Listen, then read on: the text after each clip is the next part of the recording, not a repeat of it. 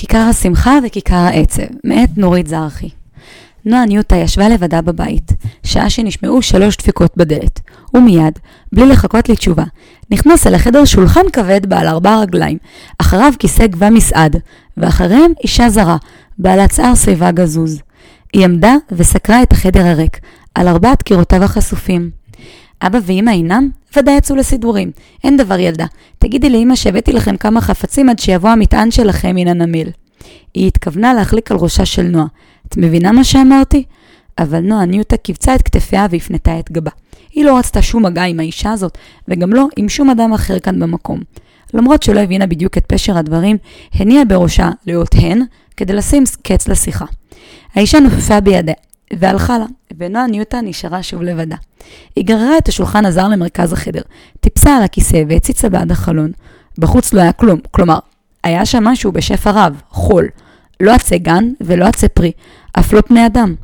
גם בבית שבו השתכנו, היו כל הקומות ריקות, כי הדיירים שעתידים היו לגור פה לא הגיעו עדיין לארץ. רק הם הזדרזו ובאו, הנה ראשונים, כאילו בלעדיהם לא היו יכולים להסתדר.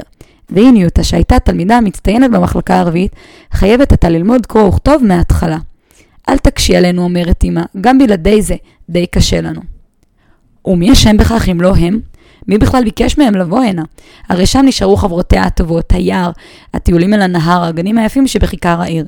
נועה ניוטה העבירה את הכיסא על החלון שמן העבר השני, שבעדו נראו שלושה עצים רזים, וילדים משחקים בכדור.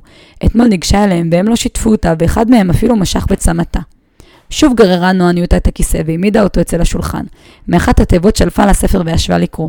כעבור רגע הרימה את עיניה מן הדף. אף בכך אין טעם, אין זו השפה שבה מדברים הילדים בחוץ. הנה הם צועקים, אליי, אליי, יותר גבוה. ניוטה כבר מבינה מילים אחדות, אף על פי שהיא שונאת את השפה החדשה. מסעד הכיסא מגולף ציורים שונים. הנה לימון מוערך גדול, ולידו עוד אחד. נועה לחצה על המסעד בכוח כדי שלא תפרץ בבכי. ונבהלה. נדמה לה שנבעה חור בכיסא. לא חור, אלא מנהרה שלמה, והיא צועדת בה והולכת.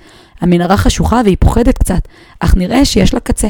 קרני האור הבוקעות בחשיכה מעידות על כך. מה זה? צועקת ניוטה. ניצבת היא בשדרה גדולה של לימונים העומדים כולם בפריחה. נועה משפשפת את עיניה. נער ונערה רצים לקראתה. היא חוששת לגשת אליהם, אבל הם קוראים לה בקול נעים. שפתם זרה אמנם, אחרי איזה פלא, היא מבינה מה הם אומרים. הבה נעשה הכרה, אומר הנער, שמי מוני. זאת אומרת, זה קיצור של שמי האמיתי, מון. וזו, מצביעה הוא על הנערה המחייכת, זו לי. שניהם צהובי שיער, וגם עיניהם זרועות נקודות צהבבות ירוקות. הם מושיטים ליד. שמך נועה, אין זאת? לא. אומרת ניוטה, והיא מרגישה שוב איך עולה בגרונה פקעת של דמעות. שמי ניוטה, כך קראו לי כשנולדתי. שם אינו דבר שמחליפים אותו כמו שמלה, כפי שחושבים פה האנשים. שמך ניוטה כמה נחמד, הרי זה בדיוק נועה, תתחדשי ילדה בשמך החדש. נועה מחקה את קולו של האיש שקיבל את פניהם בנמל, כשהוא מדבר אליהם מתוך פנקסיו. אין מה לכעוס, אומר מון, בקולו הנעים. הרי שם אינו אלא סימן, לא אותך החליפו, אלא רק את הסימן שלך. אל לך להטריד את עצמך בשל כך. מזלך שהגעת אלינו ישר לשעת אמיץ. לי ומוני מושיבים אותה על תלולית חמימה בצל אחד העצים. איש איש מהם נושא בידו הגביע שקוף ובתוכו נוזל צהבהב. מעבירים הם את הגביעים מיד ליד וכל אחד בתורו לוגם לגימה מן הנוזל, החמוץ עד כדי צמרמורת. ניוטה מנסה שלא לעוות את פניה. אך נראה שלי מנחשת במה העניין. חמוץ שואלת, אנו לא נוהגים להמתיק את מאכלנו, אוהבים את החמוץ חמוץ ואת המתוק מתוק. לאחר שתתרגלי, תעני גם את כפליים, ישנם 1101 גוונים של טעם, וישנם 1101 מינים של בני אדם. כלום לא שמת לב לכך כמה שונים הם זה מזה כבר מרגע לידתם? האם חשבת רגע מדוע שונים הם? ומוני אמר, שבי, ואספר לך את הסיפור על כיכר השמחה וכיכר העצב. בעברו אחד של העולם, מחוצה לו, ניצבת כיכר לחם ענקית, היא כיכר השמחה. לידה עומדות המון הריסות זהירות, ובתוכן התינוקות העתידים להיוולד. ליד כיכר הלחם הענקית עומדים שני אנשים, והם לבושים חלוקי אופים לבנים, וחובעי בד גבוהים לראשם. תפקידם הוא לשגר את התינוקות הקטנים אל העולם. לשם כך משכיבים הם את התינוק במנדנדה ענקית, וזו מביאה אותו בתנופתה אל המקום המיועד לו. אך כיוון שהדרך ארוכה חוששים האנשים שמא ירעבו התינוקות בדרך, לכן צובטים הם קמצוץ של לחם מן הכיכר הגדולה, ומכניסים אותו לפי התינוק. עבודתם מייגעת למדי, אולם הם מערערים בשמחת האבות והאימהות, בכל הדברים הנפלאים העתידים לקרות את הילדים בבואם אל העולם, עד שיהיו בו לאנשים. צביתת הלחם נמסה בפי התינוק עוד בהיותו בדרך, אך בדמו נספגים כמה פירורים זהירים מכיכר השמחה. מעברו השני של העולם, מחוצה לו, ניצבת כיכר לחם ענקית, זוהי כיכר העצב. לידה עומדות המנון הריסות, ובהן תינוקות העתידים להיוולד. שני אנשים העומדים שם לבושים חלוקים אפורים, ולראשיהם כומתות בת דהות. משכיבים הם את התינוקות בנדנדה ומניפים אותם תנופה עזה, כדי שיגיעו למקומם. עם כל תינוק שעליהם להרים, עם כל דחיפה שעליהם לדחוף, נאנחים השניים ואומרים, הו, מה קשה תפקידנו. עד עולם, עד עולם, מוטל עלינו להביא תינוקות לעולם, ולשם מה? כלום חסרים שם בני אדם? מה צר על התינוקות האומללים? מה רבים הצער והעבודה הקשה הצפויים להם? ובעוד הם נאנחים, דוחפים הם לפי התינוקות צביתה אחת מן הכיכר הענקית. ועד עולם לא יוכל עוד התינוק לגרש את הצער מליבו. לשם מה עמלים אנו? אומרים השניים. כלום אי אפשר לעשות זאת בלעדינו, ומרחמים על עצמם, וטופחים זה על גבו של זה. כמה עמל וצער יש בחיים. נועה ניוטה הביטה נבוכה בפניו של מוני, אבל היא אמרה בקולה הנעים. אבל אנשים משתנים כמובן אם הם רוצים. כל אחד יכול לאפות לעצמו כיכר משלו, כיכר שמחה או כיכר של עצב. זה תלוי באדם עצמו. אנו חשבנו שאולי שכחת את כיכר השמחה שלך בארץ אחרת. לכן, החלטנו לתת לך טעימה קטנה מן הכיכר שבידינו, פתחי את פיך. ולי צבתה את קצה פיתם הלימון מאחד הענפים הנמוכים, והכניסה אותו לפיה של נועה.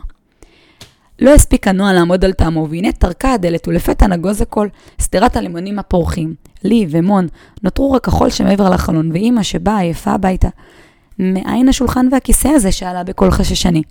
היא פחדה שמא תתפרץ נועה שוב, אבל נועה תיארה לפניה את האישה, כשחיוך מוזר מרצד על שפתיה. כשסיפרה זאת אימא לאבא עם ערב, נד בראשו בדומיה. הוא כבר שמע על האישה, מפי האנשים שישבו וחיכו איתו בלשכת העבודה. יום אחד הופיעה הנה מאחד היישובים הוותיקים שבמרכז הארץ ואמרה, תנו לי כל עבודה נחוצה ואעשנה. וכך, ימים על ימים, שוטפת היא את הדירות לפני בוא העולים אליהן, מנקשת את הקוצים בכניסה לבית כדי שיוכלו לעבור, ובבואה מטפלת היא בתינוקות ומלמדת את האימהות כיצד לעשות את כל הדברים בארץ החדשה. את כל רכושה הביאה אימה והניחה אותו בצריף קטן מבואות הכפר, ובבוא העולים מחלקת היא להם חפצים מחפצי ביתה. את הכל היא מחלקת, כדי להקל עליהם בימים הראשונים. פעם היה לה משק מפואר ופרדס מן המובחרים בשרון, שנתפרסם בלימוניו ובטעמם המיוחד, אבל היא נטשה הכל ובאה הנה. כך סיפרו היום בלשכה. שבעה ימים מדי יום ביומו, שעה שהכל הלכו לענייניהם, הייתה נועניות הלוחצת על מסעד הכיסא, ושוקעת עמוק במנהרה, עד שהייתה מגיעה אל שדרת הלימונים. שם הייתה פוגשת בשני חבריה החדשים ומשחקת איתם. הם היו עלזים כל כך עד שהיא חשה בעליל לכיכר השמחה שלה, תופכת ועולה. ביום השביעי, רק יצאו אבא ואמא מן הבית, שוב נכנסה האישה. כבדה, נמוכת קומה, ושערה הגזוז חרוך מן השמש. העבירה את ידה המחוספסת על ראשה של נועה. הפעם לא הפנתה נועה את גבה והתבוננה בעיני האישה, שהיו אפורות וצלולות. שלום ילדתי, באתי לקחת את השולחן והכיסא. אינך זקוקה להם עוד. היום יגיע המטען שלכם, ואיתו יבואו עוד אנשים, אשר יזדקקו לשולחן ולכיסא, עד שיגיעו החפצים שלהם. נועה לא הבינה את פשר כל המילים, אבל היטב הבינה מה מבקשת האישה לומר. את, שהצמחת כבר את הכיכר שלך, יכולה לתת את הכיסא לילד אחר שיבוא היום. נועה רצתה להודות לאישה, להתנצל על התנהגותה בימים הראשונים. היא הושיטה את ידה הקטנה והניחה אותה בתוך כף היד המחוספסת, השזופה, ואמרה, שלום. הייתה זו המילה הראשונה שאמרה בעברית. האישה לחצה את ידה, ובאותו רגע פשט בחדר ריח עז וחריף של פריחת לימונים.